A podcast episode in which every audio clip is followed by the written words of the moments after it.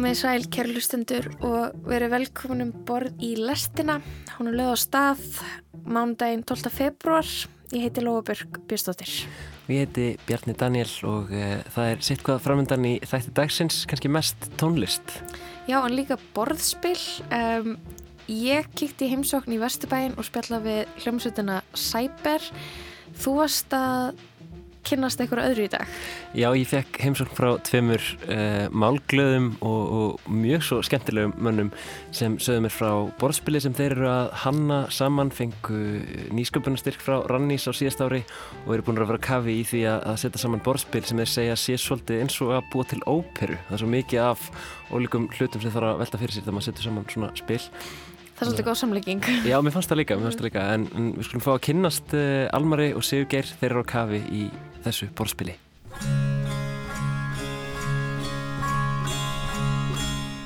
Ég heiti Almar og ég heiti Sigurger. Það er brjálað að gera hjá Almari og Sigur Geir. Þessa dagana vinna þeir hörðum höndum að því að búa til borðspil sem hefur vinnutitilinn á láði og leigi, kynjaverur og kingimagnaðar slóðir. Þetta er vinnutitill því hann er kannski eilitið of langur, segja þeir. Það fer ítla í hérna útaps og sumasöluðingar sko, áláðu og leiði, kingi, magnaðar, kynjaverur og... Veistu ekki hvað það heitir? Sigurgeir? Nei, ég...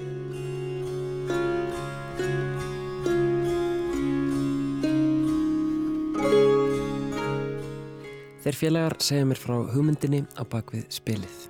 Þetta hefur alltaf bara verið svona meira svona draumur í bakgrunni hjá mér sko og Almar hefur alltaf verið svona íta okkur út í það. Við færum, actually, færum, færum og gerðum þetta og hérna eh, svo í rauninni potaði Almar í mig þegar hann var stattur í Gríklandi og þá var hann sem sagt búin að búa til styrtar umsók fyrir þessari hugmynd, uh, fyrir tekniþróunarsjóð sem hann sendi inn og þetta var náttúrulega glæsileg umsókn og hérna og saminniða svolítið svona margt af því sem við vorum búin að tala um og hérna og hún, hún fekk samþyggi sem ég held að við höfum svo sem ekkert endilega endilega, Já. jú, jú, jú, jú, alveg vissir um að við myndum fá hérna, þannig að auðvitað voru engar áallanir sem þetta breyta til þess að búið til tíma til þess að vinna þessu en hérna, þannig að við, við lóksum svona fórum að setja sniður saman og hérna, og, og gera þetta og það hefur bara verið, En það var svona hrekkja bara af Sigurgeir, sko.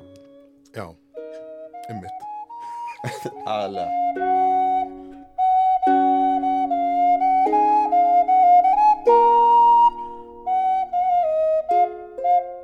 Og þetta er sem sagt einhvers konar hlutverkaleikur sem að eru nú að verða vinsæll og vinsælli bæði í formi tölvuleikja og bara pen and paper hlutverkaleikja.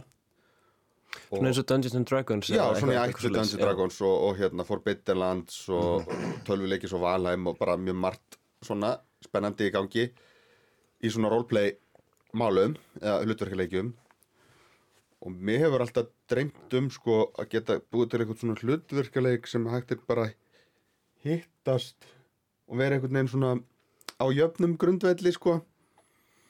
Hópur kannski sem er ekkert að fara hittast til aftur og sem er þægilegt að læra og svo, já, þetta er svona og ég, og ég hef alltaf verið svona, svona, meira borðspilamegin sko. ég á í rauninni mjög myndalegt borðspilasatn og hérna stýrði hérna á tímubili uh, borðspilakvöldi fyrir hérna bara í, í Reykjavík sem að hérna fer ekki auðlýsingu núna því þau skuldum með laun. Og hérna en, en hérna, en þau sem sagt hérna og, og, og sem var mjög skemmtilegt sko. Og ég hef alltaf verið meira svona, kannski meira svona mekaník megin í þessum, spilaleikjum þar sem þú gengur að tilbúinu mekaník og tilbúinu umhverfi með tilbúna personur og, tilbúna atbyrði og hluti og alls konar og hérna, þú veist, okkur langaði báðum í rauninni svolítið svona sikkot hlutina þetta er oft ekki, þú serði ekki mikið að því ennþá í dag að það sem mikið verið að samina borðspila sem ert með spilaborði fyrir framæði og kallan og allt ótið sko og síðan hlutverkaleikina, yfirleitt eru hlutverkaleikina þannig að þeir eru mikið mun opnari og, og hlutin eru svona meira mynd gerast kannski fyrir eru höðun og þú átt kannski einhverja fígurur og, og borð sem eru bara svona eins og rúðustrykka blað eða þannig sko. Og hérna og, og svo svona skapar einhverju kannski meira í höðun á þér sko. Um, og okkur langaði svolítið svona okkur dætt í huga, það getur verið svolítið spennandi að reyna svona samin þetta tvent því það eru ótrúlega margi sem að þú veist, nú hafa öruglega allir heyrt um Dungeons and Dragons og sérstaklega eftir að hérna, Stranger Things kom út þá hérna, hafa, hafa svona margir fengið betri mynd af þessu. En mun færri sem hafa uh, farið og prófað. Og hugmyndin var að þetta geti verið líka mjög skemmtileg leið svona til þess að kynna fólk fyrir þá hlutverkalegs forminu kannski í samt svona tilbúnara pakka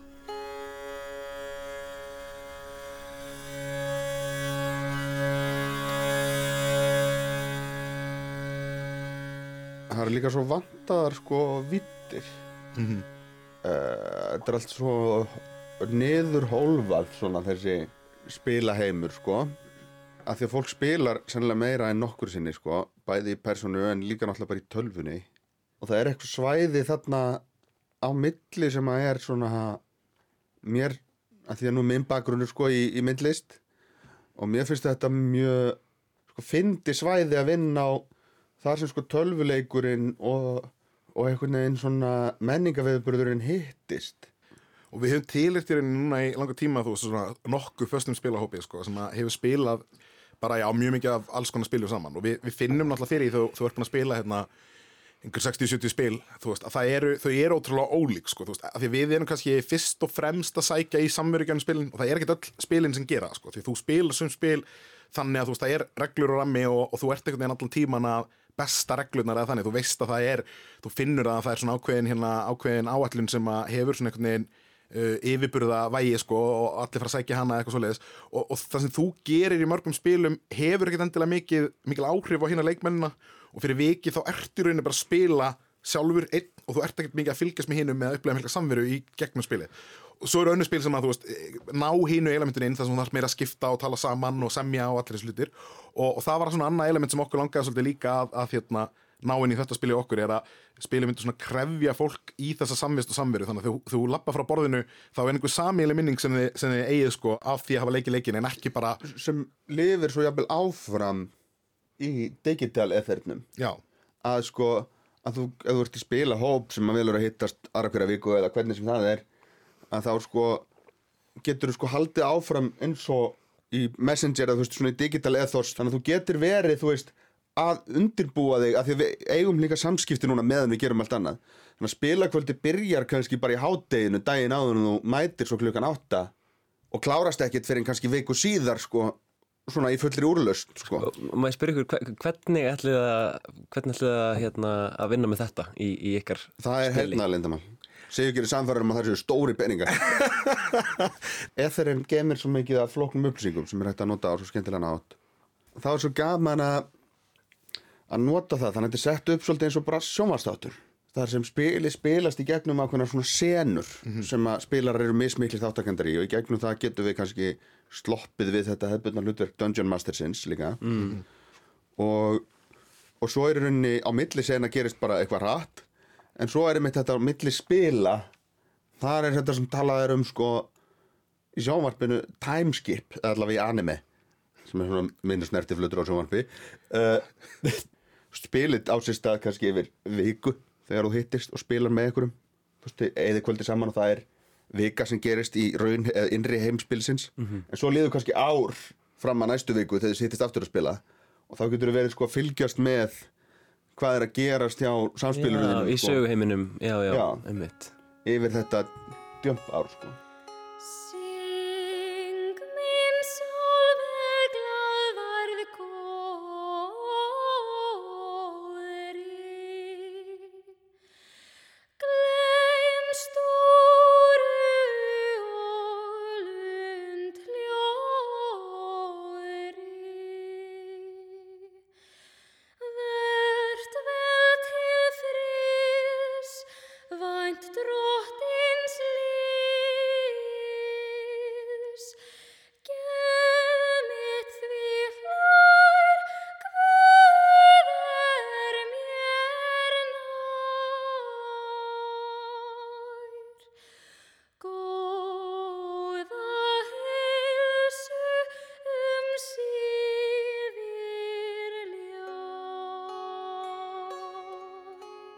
Getur við talað eins um hérna svona, hvað við segja, þemað eða, eða, eða svona sög, söguna sem að, sem að þeir eru að búa til í þessu spili, Hva, hvað er í gangi þar?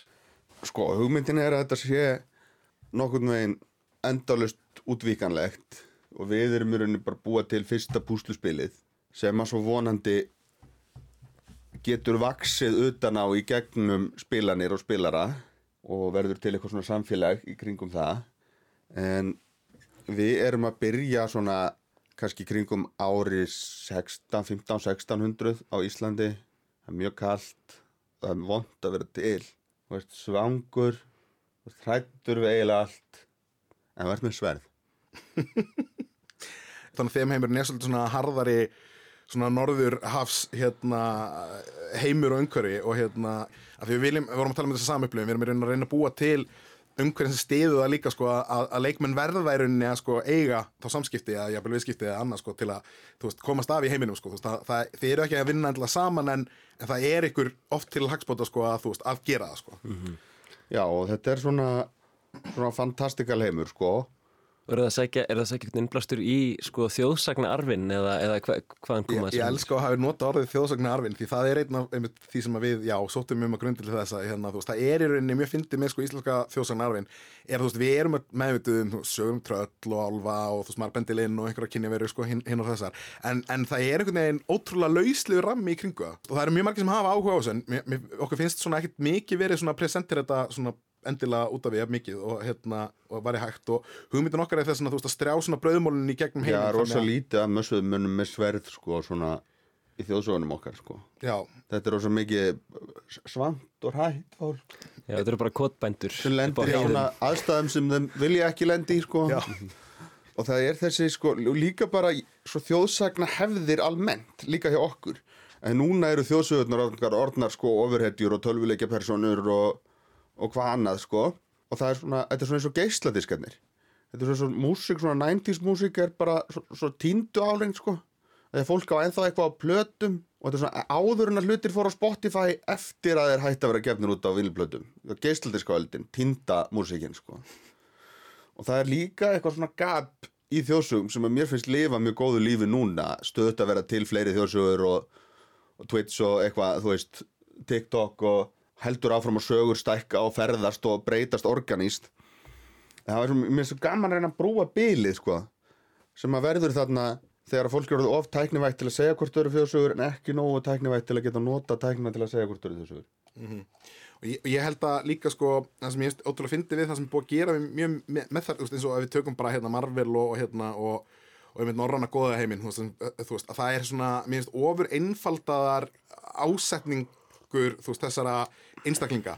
Veist, að, að það er bara hitt góða og illa og henni gráðu eða valdasæknu skilur, þú veist, að þetta dót, en, en máli er að veist, það er kannski ekki það sem maður upplifir í þegar maður lesa þessar sögur að sé sko ásetningur þetta eru bara svona veru sem hafa einhvern veginn ekki þessa mannlegu sko langanir, eða fattar við, þannig að það það er eru allir bara að gera mistök. Þetta eru náttúrulega líka sögur sem að kannski verða til í bara allt öðruvísi, hvað ég að segja, þú veist, það, það er alltaf hann gildismat hjá samfélaginu Já. þegar þessu sögur eru að vera til. a- við- allt aðra Þannig að- menningu og, Já, og, já. og það er það sem okkur svolítið líka svona ná kannski inn er að þú veist, er að einmitt, þú veist, það er ekki bara auðsjöð, þetta eru, þú veist, hérna, vondu ófreskunar þegar lítið eitthvað hæðilega út eitthvað svoleiðis eða góðu eða, þú veist, mér langar í gull eða eitthvað, þú veist, heldur, þetta verður svolítið svona þannig að þú veist, að spilarar hafa ákveðin ásetning til að reyna Þetta er samt ekkert eitthvað svona, þetta er ekki nýjaldarhypismi, það er náttúran á móti manninum, sko. Það er ekki, þetta er antagonistic samband. Þetta er ekki þetta að þú ert bara að klappa tígristýrinu og þá hættir það við að borða þig og þið verið bestu vinnir og... Nei, en einmitt, þa- það er svona þessi, að- að- það sem er spennandi Það við er lasin hundur og hafnabjóltaþjálfari sem fer í regnskó til sér bjargónum. Það er hundurinn er með kramma minn og það er fjáröflun. Er þetta í spilinu? Já, já, já. Já, uh, Já, sko, hafnabjóltaþjálfari frá, frá Seattle, sko, sem að... Og dóttir hans á krabba veikan hund og það er planta á bólifíu sem er eina sem getur læknað hann. Hann á enga peninga fyrir flugmiðanum, sko. Þetta er svona... En, en sagan byrjar á Íslandi á miðöldum. Já, ekki miðöldum, sko, við erum að, þetta er þjóðsöguöldin, sko, sko. Já. Það er, ein, það er, þetta er svona í grunninn, sko. Harnaboltin er merkilega gammal, sko. uh,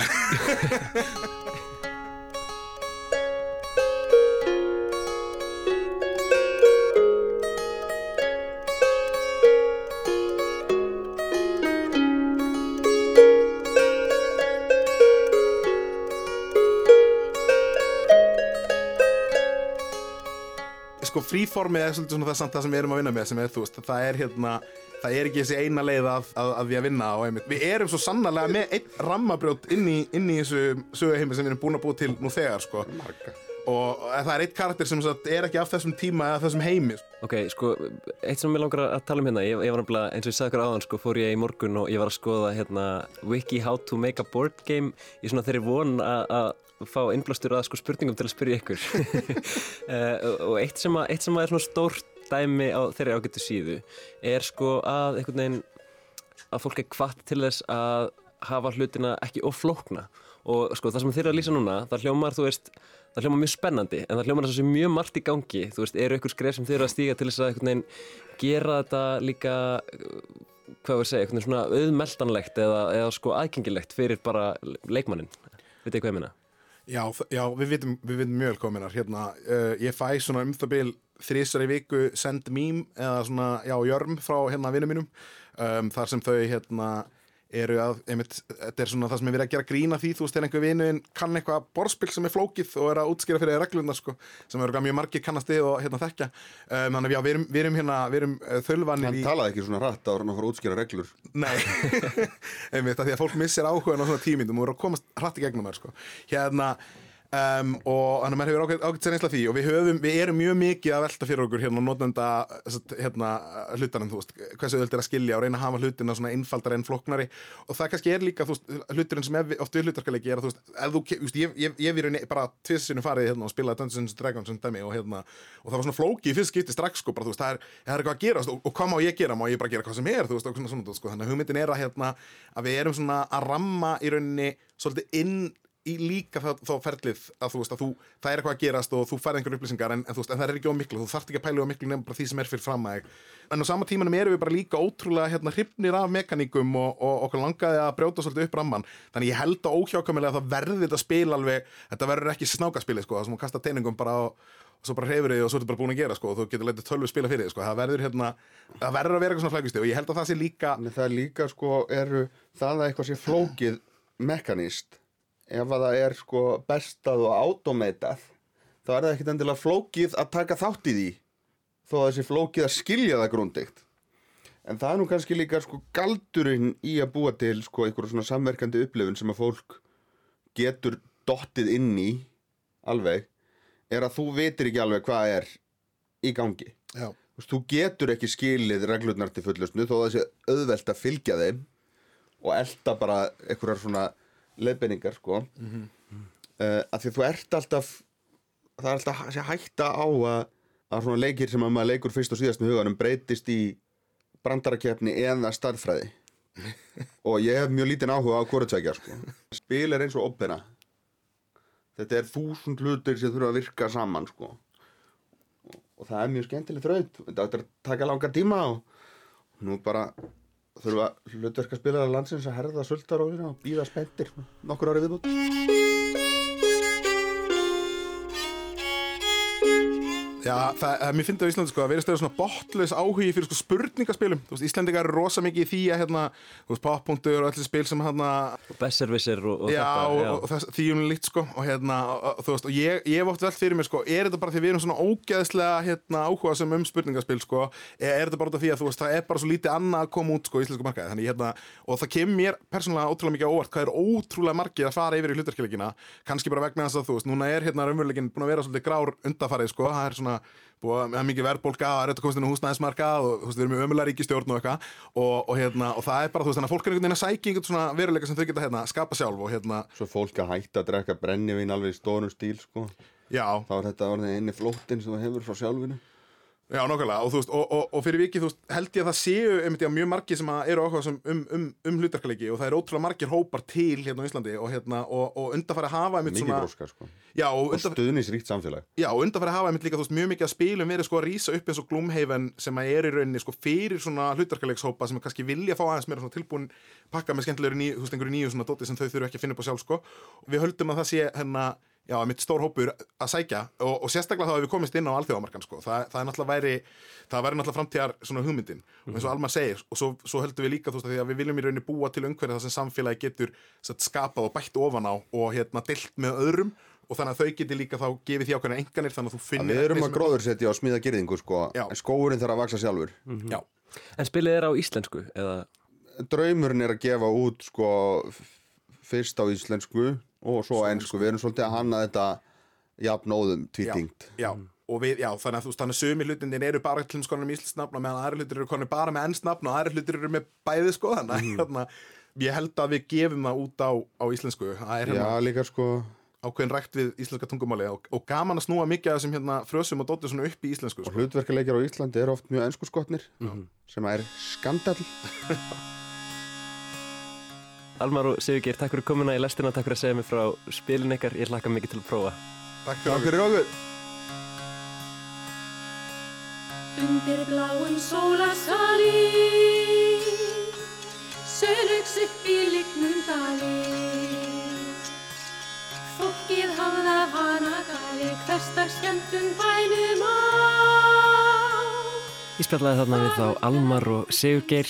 Þeir eru uh, aðstandendur borðspils sem heitir Á láði og leigi, kynjaverur og kingi magnaðir staðir, ótrúlega skemmtilegir og, og, og hressir menn. Og í einslæginu heyrðist líka tónlist eftir hljómsdina Spilmenn Ríkinis. Við heyrðum uh, þó nokkur lög af plötunni þeirra Gullhettu frá árinu 2022. Mér varst hún passa mjög vel við svona fantasíu borðspila heiminn einhvern veginn. Byrju, sagður, spilmenn rík, Ríkinís. ríkinís. Já, þetta er, okay. þetta er lítil fjölskylda sem að, sem að gerir svona, svona hefðbundna íslenska þjóðlega tónlist með langspili og, og, og og, og, og tvísöng. Vá, algjör stemming. Virkilega gott stöf. Um, en við ætlum að heyra glænýja tónlist í lestinni í dag, þó ekki lög af nýju Kanye West plötunni Vultures en vonandi að setna í vikunni. Um, það var annað uh, sjóðandi heitt lag að detta inn á streymisveitur. Einmitt, þetta er lag sem ég heyrði um helgina og, og mér er eiginlega svona bráð þegar ég setti það í gang. Ég sá, sá að Kim Gordon sem er kannski mm þekktust fyrir að vera meðlumur í hljómsdæni Sonic Youth uh, var að gefa nýtt sólulag uh, og það heitir Bye Bye. Og ég sá að fólk var eitthvað að missa sig yfir þessu á netinu þannig að ég fór og, og kannaði málið. Og kemur í ljósa sko ég veit ekki hvort það er kannski bara spila lagi fyrst og síðan tala um það. Jú, fólki að verða svolítið hissa. Já.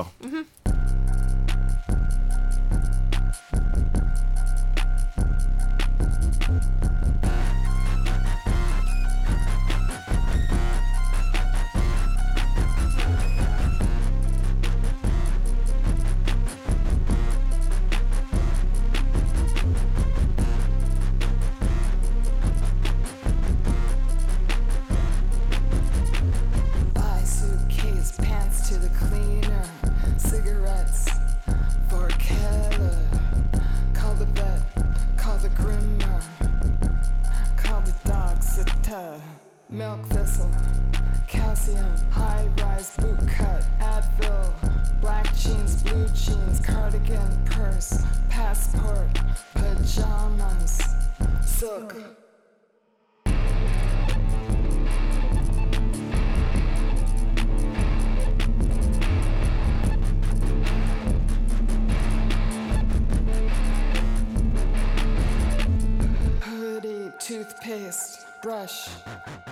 Foundation, contact solution, mascara, lip mask, eye mask, earplugs, travel shampoo, conditioner.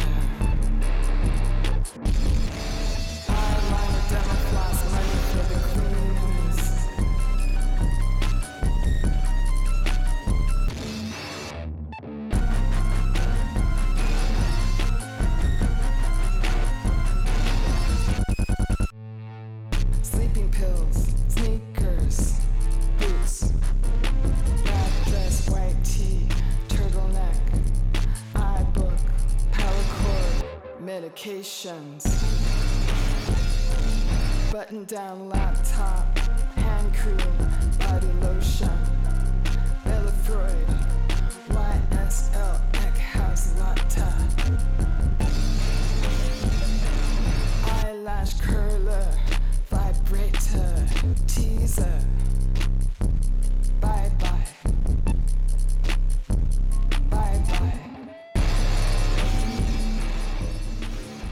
Töffarinn Kim Gordon hér með nýtt lag Bye Bye Lóa, hvernig finnst þér þetta lag? Um, mér finnst það bara flott. Það er alltaf gaman að heyra í Kim Gordon, sko. Þó hún sé bara að tellja upp hluti í, sem hún er að setja í ferðardöskunum sína. Mér finnst áhugaverst, það fyrsta sem ég hugsaði var bara, ok, þetta er það sem liggur á hjarta og ég skil það alveg.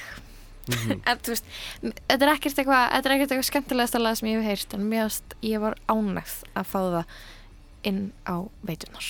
En hva, hvað leysum við úr þessum texta? Hún er hérna, einmitt eins og segir, telur upp alls konar hluti sem hún setur í ferðartöskuna sína að reknaði með gallabuxur, veski, vegabref, uh, maskari, alls konar titrari hvítir bólur uh, iBook og, og, og, Og rafmagnsnúra og vítamin. Mhm.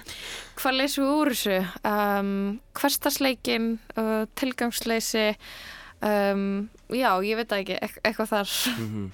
Ég, ég veit ekki hvort það er eitthvað dýpri merkingan, er þetta ekki bara eitthvað svona grín, eða þú veist. Þetta er kannski, ég veit ekki, ég, ég fyrir að hugsa einhvern veginn sko ferðartaskan er kannski stærri hluti af hennar hverstegi heldur en svona meðalmannsinn, svona náttúrulega vinnum við að búa til og spila tónlist og, og vantarlega mikið á ferð og flugi að koma fram á tónleikum hér og þar.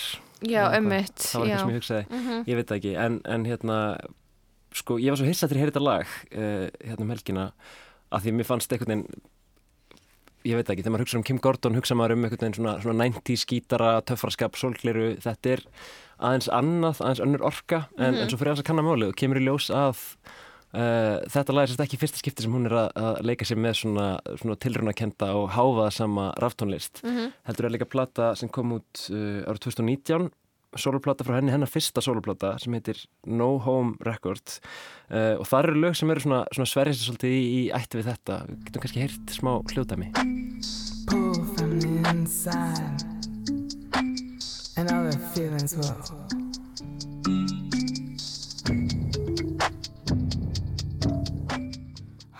And the wind chimes strike, your dead stare strikes, and the wind chimes strikes,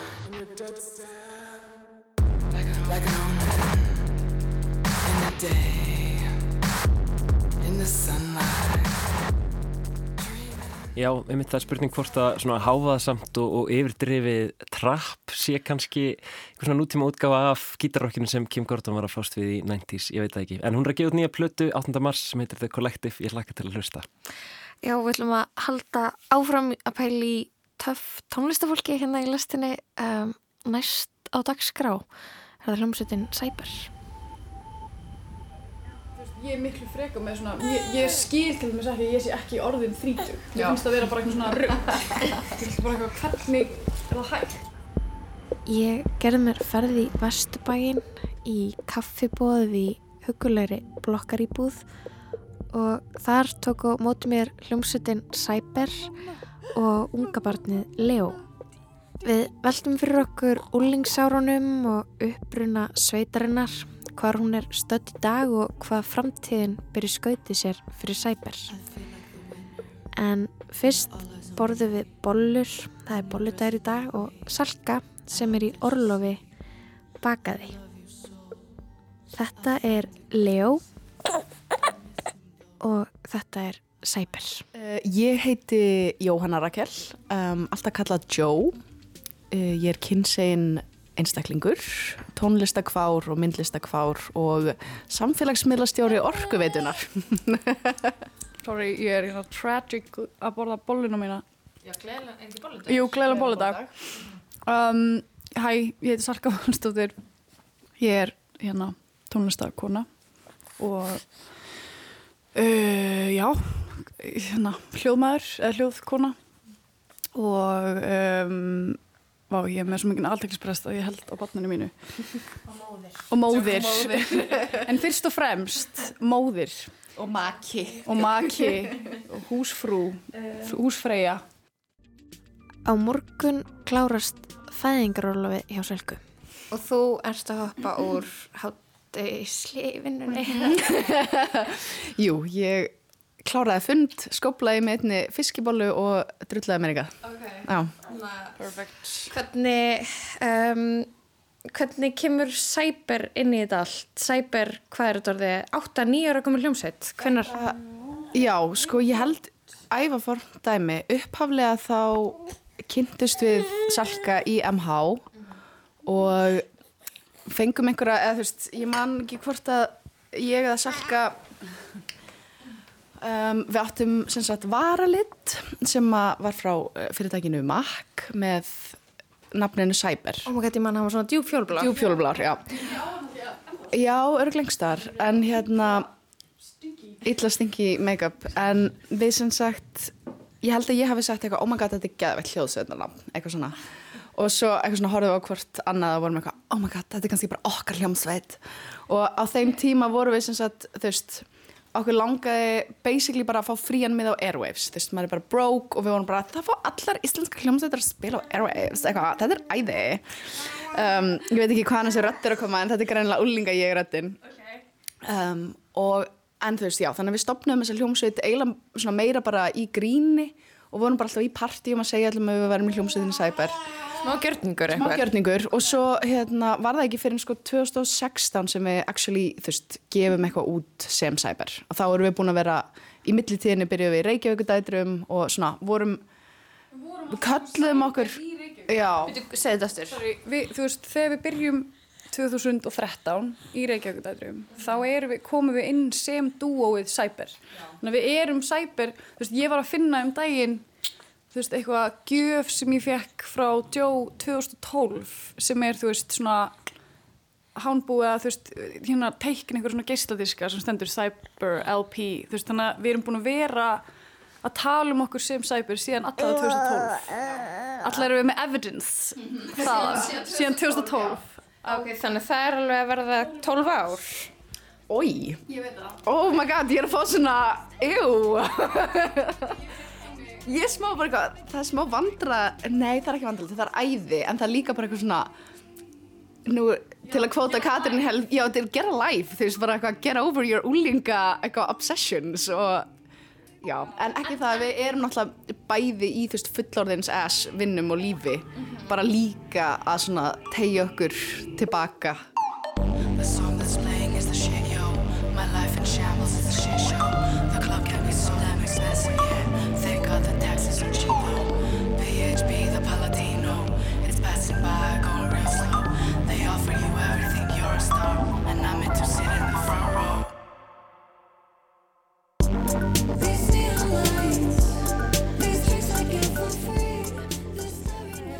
veist að fagurfræði, sæber, þar orkan allt einhvern veginn. Uh, er, maður finnir svo mikið fyrir úlingnum í því. Er þetta eitthvað svona eitthvað leið til þess að fá að vera aðeins áfram í einhverju ska, ég veit það ekki. Við erum cosplaying sem úlingar at this point. Ég held, já, um eitt, það er allavega eitthvað svona cyber, þú veist, fa fagurfræðin og svona pælingarnar í, kringum cyber, hérna, mótuðist mikið þegar við erum úlingar og svona mótuðist í kringum eitthvað svona bara leikgleði og svona silliness og um, það er einhvern veginn svo ríkjandi svona reglur innan hljómsveitarinnar finnst mér. Og það kannski einmitt, er erfitt fyrir það að verða þú veist, af því það tekur, þú veist, Cyber tekur sér ekki alvarlega einhvern veginn, þannig að það verður alltaf smá svona youthful og fyndið og einmitt úlingalegt fyrir vikið. Sko bara til þess að mála upp mynd fyrir hlustendur þá er salkað að segja þetta Já. skopp að hossa sér á jókabólta í grænum kroks með smábann í fanginu um, þarna um, ymmit, reglurnar uh, einhvern veginn, og þú veist að tala um einhvern veginn að reglurnar innan einhvern veginn hljómsveitarinnar og hva, hvað þið, þú veist hvernig þið hægið ykkur, hvernig þið klæðið ykkur hvernig listin, listin ykkar lítur út. Um, en svo er einhvern veginn alls konar þarna bara bastl og vinna sem fylgir að vera hljómsveit sem er bara mjög fullorensleg uh, leiðilegasta sem ég geri sko er bara eitthvað þegar við þurfum eitthvað svona að taka árlega eitthvað, oh, förum við kvittanir fundurinn sko. Eh, og þú veist og bara mjög, þú veist, mjög margt er bara svona adminvinna, þú veist, mjög margt er bara eitthvað er, ertu búin að svara sem tölvupústi, þurfum við ekki að passa, þú veist, er þetta farið í prent? Eitthvað svona þannig drasl sem að er, einmitt, mjög fullarinnslegt og svona meh. En ég held að svona ferlið er mjög, þú veist, ég held að við hefum fengið allar hugmyndirnar af plöturum okkar í einhverju svona bara, þú veist, ég og Salka sitandi eitthvað svona, væri ekki gaman að gera hérna frí plötu, væri ekki gaman að þykja vinna á skrifstofu og núna nýjasta platan sem kemur út í mæ og heitir, hún kemur út í júni og heitir Sad. Um, og hver er pælingin þar? hún er sem sagt sko, ég held að hún er going really back to úlingsdómur af því að þetta er bara svona úlinga engst plata. Um, og ég held sko að þetta hafi verið mjög svona, eða fyrir mig mjög mikilvæg plata af því að ég fjekk eiginlega ekki að vera úlingur eða þú veist, já ég, ég var bara, hérna, fóröldar minni skildu þarna og mjög svona traumatizing 15 ára aldrinu mínum cirka, eitthvað svo leis 12, 13, 14, 15, eitthvað, allt farið í smá blakkat og þú veist, ég tók bara alla ábyrð þú veist, ég tók bara ábyrð á hérna, sískinu mínum og hérna, eða sískinu mínu. Og bara, þú veist, standa mig vel í skóla passa að vera, þú veist, ég var fimmleika stjarna á þessum tíma, passa að vera Fórst það alveg upp? ég fór að ala mig upp og þú veist, ég var bara sem er bara mjög algengt held ég fyrir þú veist, úlingskrakka sem að er einhvern veginn að reyna að setja ekki meiri ábyrð á fóreldra sína sem eru einhvern veginn í hjartasorg, skilur þannig að ég var þú veist, ég fekk já, ég fekk bara ekki að vera úlingur og, oh my god, nú er ég að gráta. En hérna þú veist, ég byrjaði eiginlega, ég tók sko gelgjuna þegar ég var svona 22 þá fór ég bara í svo mikinn mótróa við bara bæði fóreldrar mína og líf mitt og allt, ég var bara fuck þetta shit, fuck öll, skilur eitthvað svona. Um, og ég svona, við hugsaði svolítið um það í nokkur ár og þú veist, svo kom að því að við vorum að fara að gera nýja plötu og við vorum einhvern veginn búin að ákveða að hún væri sad og myndi vera svona engsti en þú veist, ég held að úlingaparturinn hafi bara síðan komið mjög náttúrulega því að ég held að við bæði eigum eitthvað svona, svona óuppgert úlingdóm að einhverju leiti, sko. Hvað segir þú við þegar Salka? Já, algjörlega, ég held að þú veist, við hefum mjög ólíka hérna, upplifun að ég var úlingar, ég held að ég hafa alveg, þú veist, ég alveg upplifi, sko, ég var rosa mikið að flýta mér að vera fullorinn, ég hataði að vera bann og ég held svona að einhverju leiti hafi ég sem úlingur upplifað mig sem eitthvað svona utan, eða þú veist, í rauninni eitthvað svona lengra komin en mínir, hérna, jafnaldrar og eitthvað, þannig ég svona lefði mig kannski ekki alveg að vera goofy, silly teenager um, já. Varst kannski að fá útrás fyrir það í listinni? og svo allavega, æ, Leo minn er allt læg allt í góðu. Allt í góðu. En svo sko, ég upplifu kannski að hérna ég var líka náttúrulega ólétt við vorum að gera þessa plötu og það var smá svona healing að maður er með alls konar pælingar. Þegar, maður, eða allavega þegar ég var ólétt var ég með alls konar pælingar með svona þú veist, mitt um, identity og þú veist, bara hvað hver maður er að fara að verða eftir maður eignast barn og allt þetta, veist, og það var svolítið næs að vera bara eitthvað að ég veit, cosplaya sem ykkur sem maður ber ekki ábyrð á neinu og er bara eitthvað svona að velta sér upp úr hlutum sem skipta yngur máli og að, þú veist já, eitthvað svona pæli uh, hlutum sem maður var að pæli þegar maður var úlingur og það var svona, um að það var kannski svona heilandi fyrir mig á annan hátt að ég var eitthvað að Stígin í eitthvað nýtt hlutverk? Já, og fá svona aðeins að svona, þurfi ekki að horfast í augu við alla ábyrðina sem ég var að fara að taka á meðan við vorum einhvern veginn að leika okkur inn í þessum heimi, veist, og heimur þessar plötu er í rauninni bara eitthvað eitt svefnherbergi, skilur sem einhverju tveir úlingskrakkar eru að veist, leika sér í og veist, skoða sér í spekli og finnast þau stundum get sexy og stundum alveg bara ógislegasta bara the most disgusting people in the world og þú veist, alltaf að ímynda sér að einhversi að horfa á sig og samt er enginn að horfa á þau og eitthvað. Það var, þetta er mjög svona þægilega lítill heimur til að velta sér upp úr. Það var svona smá frí í því að um eitt pæri í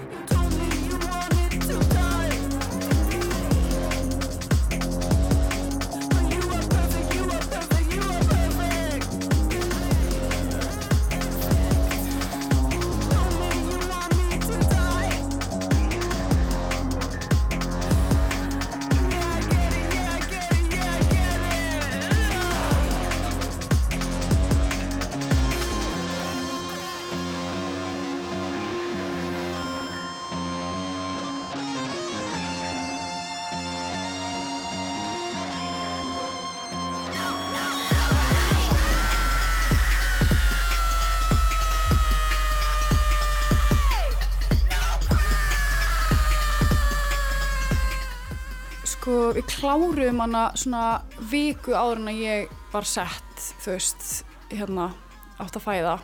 Þannig að við vorum, að við byrjum alveg á henni, þú veist, allavega ári fyrir það, sko, eða ekki meira, þú veist, þá byrjum við eitthvað svona aðeins að fykta við hana. En svona megnið af henni var mitt unnin og meðan ég var ólétt og svona á þessum kannski frá svona janúar til júli. Er, er rámt muni hjá mér að það kom út frá okkur, kom út tónlist í COVID eða var það rétt fyrir COVID? Það var í COVID, í COVID gaf út plötu sem heitir Vacation sem var með mjög gott svona. Og, og, og hvað tókuðu síðan smá eitthvað svona pásu frá því að búið til tónlist eða hvernig var það? Já, við eiginlega bara hérna, við vorum búin að gefa út sko bara á hverju ári, þú veist, frá því við eiginlega byrjum 2016 uh, og svo vorum við bara smá eitthvað svona ég held að við höfum bara komið á staða sem að okkur langaði bara að vera vandvirkari og veist, við, hætt, við tókum aldrei eitthvað pásu per se en við bara vorum ekki mikið eitthvað ok, þurfum að gefa út hvert einasta, þú veist, eitthvað ef við gefum ekki út lag á sex mánuða fresti þá mun enginn vita hver við erum, eitthvað svona Eru þið búin að sleppa tökum á því? eða? Já, mér er stegla bara alveg búin að sko sleppa tökum á bara svona öllu þú veist, núna þú veist, á góðanátt, mér finnst svona sæpir orðið dæmi sem bara svona, við erum bæði bara eitthvað, þetta er ókslega gaman þetta er gett, þú veist svona, það er í rauninu ótrúlega lítið erfitt að búa til fyrir þetta að því að einmitt, allt snýst bara um einhvern veginn að hérna við skemmtum okkur og við séum að gera eitthvað sem að, þú veist, sé heilandi fyrir okkur og sé eitthvað svona trútt okkar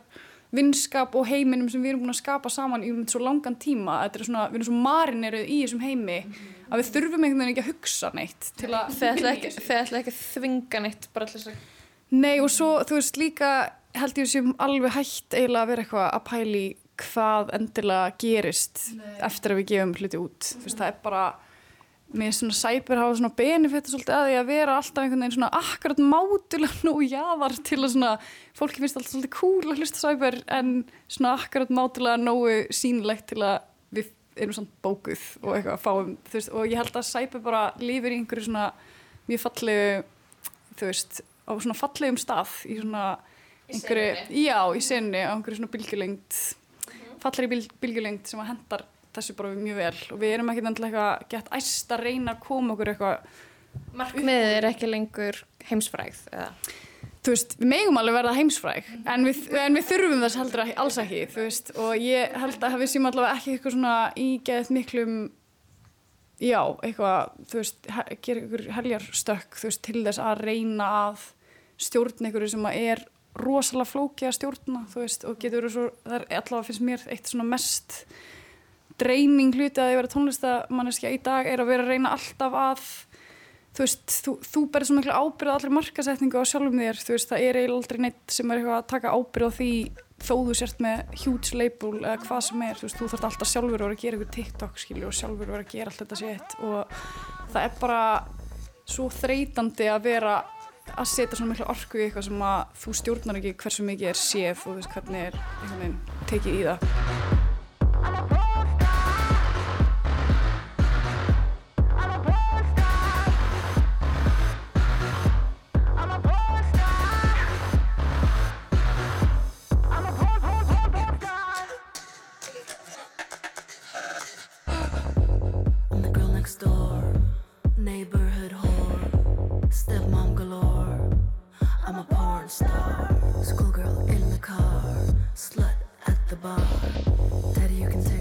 með því að eldast og eldast í þessu verkefni þá held ég að við höfum líka bara svona þetta veist, það að vera séður og það að hafa ágjörði hvernig maður er séður hefur bara alveg farið. Þú veist, ég held að, eða svona alveg farið öruglega er einhver staðar einhver mannska sem er langar að impressa. En hérna, þú veist, ég man fyrst þegar maður gefið þá, þú veist, var þetta líka í þessu svona hip-hop sprengjunni hérna í kringum 2016 og þú veist, maður var einhvern veginn um, þú veist, fyrir mig var svo mikil ábyrgð að vera einhvern veginn svona representative veist, sem eitthvað svona ekki kall í senunni. Og ég held að veist, ég setti svo mikla ábyrgð á mig að passa að vera eitthvað svona ég verð að vera séð, ég verð að vera ógislega cool, ég verð að vera ógislega smart, ég þarf að vera bara mest hot manneska sem einhver hefur séð og ég verð að vera fullkomið. Um, núna er mér þú veist, það hefur elst af mér sem betur fyrr. Og ég held að ég held að þar komi líka inn bara þessi svona ekstra gleði og frelsi sem við höfum í cyber er að einhvern veginn við erum ekki lengur að búa þetta til veist, til þess að reyna að hitta á eitthvað mark heldur meira bara að því að þetta er gaman. Af því að það kom hugmynd. að því að kom hugmynd og hún er bara hún er fín. Þú veist, hún þarf ekki eins og að vera besta hugmynd í heimi hún er bara ágætis hugmynd. Bara, let's go. Sko, mér langar líka að tala hans um bara um, gjörningin og, og þú veist þarna og heiminn. Um, þú kemur úr, úr myndlist líka. Um, er sæper orðin staður þar sem að eða hefur kannski alltaf verið. Þar sem að þú getur leikir með gjörningapælganæðinar og það þarf kannski ekki að vera ný galleri eða listasafni eða á okkur listaháttíð það er bara tónleika með sæper og sko 100% ég held að cyber hefur alltaf verið svona einhver hluti af, eða svona þú veist, einhver þetta er bara flott.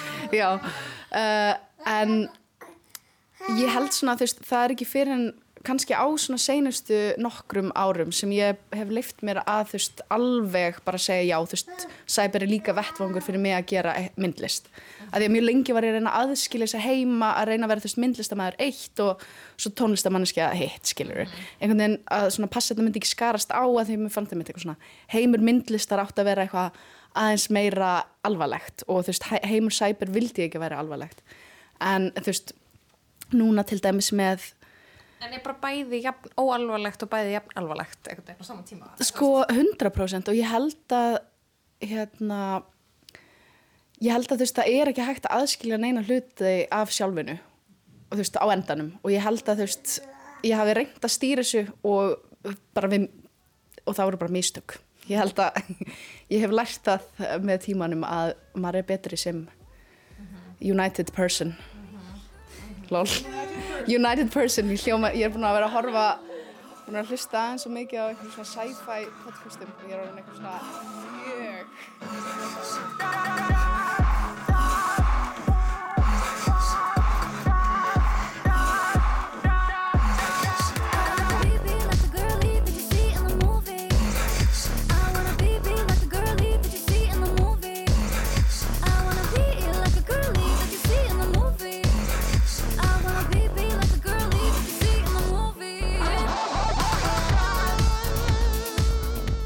valentínusadaginn þá er sem sagt, eru við Cyber með Heartbreak DJ set og tónleika þar sem að þemað er Your First Heartbreak eh, það fyrsta ástasorgiðin eh, og við hvetjum fólk, þetta er á 12 tónum frá 7.30 til 11 hvetjum fólk til að mæta og hérna, maður getur klætt sig annarkvort sem sem manneskjan sem brautir hjarta fyrst. Hvernig þú leist út þegar þú varst í hjartasorg í fyrsta sinn. Uh, hvernig þið leið og sást hjartasorg í fyrsta sinn eða bara verið einhver kara karakter sem var í hjartasorg? Ég hugsaði líka með eitthvað svona að því ég man bara því ég var að horfa á eitthvað svona Sir Jessica Parker í the City í ástasorg og mér leiði eins og ég var að I was going through this. Þú veist þó að ég var ég veit ekki 12 ára. og þú veist did not know anything. En mér finnst það líka smá æði Er þetta lag komið út? Nei, það er ekki komið út. við hérna sko, emitt, við ætluðum okkur langaði að gefa út lag en við gerðum það ekki teka tíð þannig að það kemur út 19. apríl en uh, það heitir I Don't Wanna Walk This Earth og er með featuring Tatjana sem er í X-Girls og það, já, þannig að við ætlum að, við ætlum að taka það live í fyrsta sinn fyrir fólk eða mögulega ekki live Við erum sjáum til. Það verður alltaf að spila fyrir fólk í fyrsta sinn. DJ, þú veist, alveg kannski bara öllu af plötunni og við munum taka eitthvað live af plötunni og svo er platan sem sagt, það kemur um eitt singull 19. apríl, platan kemur 16. júni. Um, þetta er blanda af háskólarokki. Það er eitt háskólarokklag. Er það kannski ekki lengur háskólarokklag? Jú, jú, ok. Það en þú veist, með innspóð er þú veist Tattoo, My Chemical Romance, þú veist, já, kannski smá þú veist, í svörtum fötum, hérna, smá jockstrap og þú veist, svona nýri típur af, kannski smá Sophie sumu, þú veist, bara svona einhver svona engsti elektronika um, er eitthvað svona blanda af kannski, þú veist, þetta er svona eins og ef, já, þetta er svona blanda af kannski eitthvað svona líka hyperpoppi og, um, þú veist, svona úlingastefnur dagsins í dag og svona youth stefnur dags, dagsins í dag blandar saman við eitthvað svona meira emo, angsti, college, rock þú veist, og svona úlingast, eða tónlistastefnar sem voru vinsalar þegar við vorum einmitt svona tweens. Þannig að, og svo erum við við vorum mjög mikið að vildum vinna með fólki sem að líka bara eitthvað svona var hérna að konga yfir sig á þessum tíma en það er eins og Jónsi í svörtum fötum er featured á einu lagi og já. Það er bara hérna, þetta er mjög þetta er alveg frekar svona true to the concept þessi plata sko. En það, þegar hérna, Jónsi kom í stúdíóið þá var held ég eitt af uppáhaldstögunum mínum í stúdíónu. Við vorum hérna, að því að sagt, sem að Jónsi syngur heitir The Event og er sem sagt sungi frá sjónarhaldni Ullingstelpu sem er reyð við mömmu sína fyrir að reyka út eldri kærasta sinn. Og Jónsi er sem sagt embodying þessi Ullingstelpa og hann sko, hann kom og hann gerði þetta svo fucking vel, hann gerði þetta svo fáranlega vel. Hann neldi þetta og bara, þú veist, þetta var svona eins og hann hefði bara svona allt í hennu, bara fætir hans var einhverju borkjarnar og bara náði alla orkuna úr yðrum jarðar og bara gá, það var gæðvögt.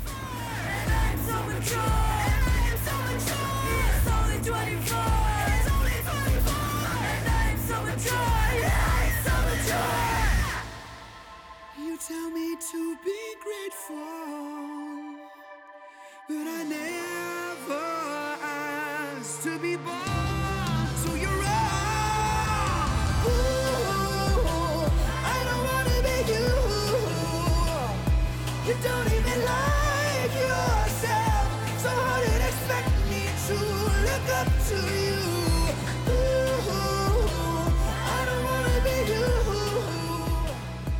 ég ætlaði að syngja það skilur en það var samið fyrir einhvern veginn svona mitt reyns og svo bara söngi þetta og það var bara eitthvað neða megar engar sens þetta verður að vera bara eitthvað Jónsi.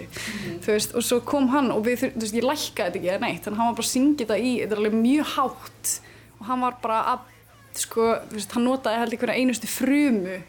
Það var bara eins og þegar ég var að fæða eða eitthvað sko, og horfa á hann þarna. En fannst honum ekki líka gaman? Eða, þú veist, að, Jú, hann, hann, hún fannst þetta geðvikt held ég og hann, hann var bara, hún fannst þetta, hann var svo til í þetta og það var geðvikt gaman af því þetta var alveg smá wild uh, pæling að þú veist, að vera eitthvað að syngja til leika 15 ára stelpu sem er að syngja til móður sinnar og já, það, það var bara æðislegt.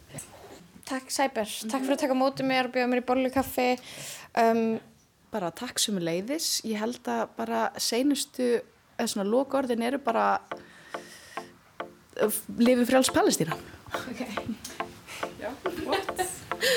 Einmitt. Ég, er það ekki bara? Jú, hef ekkert við þetta að bæta, bara bless, Leo, viltu segja bless? Your daddy call my phone,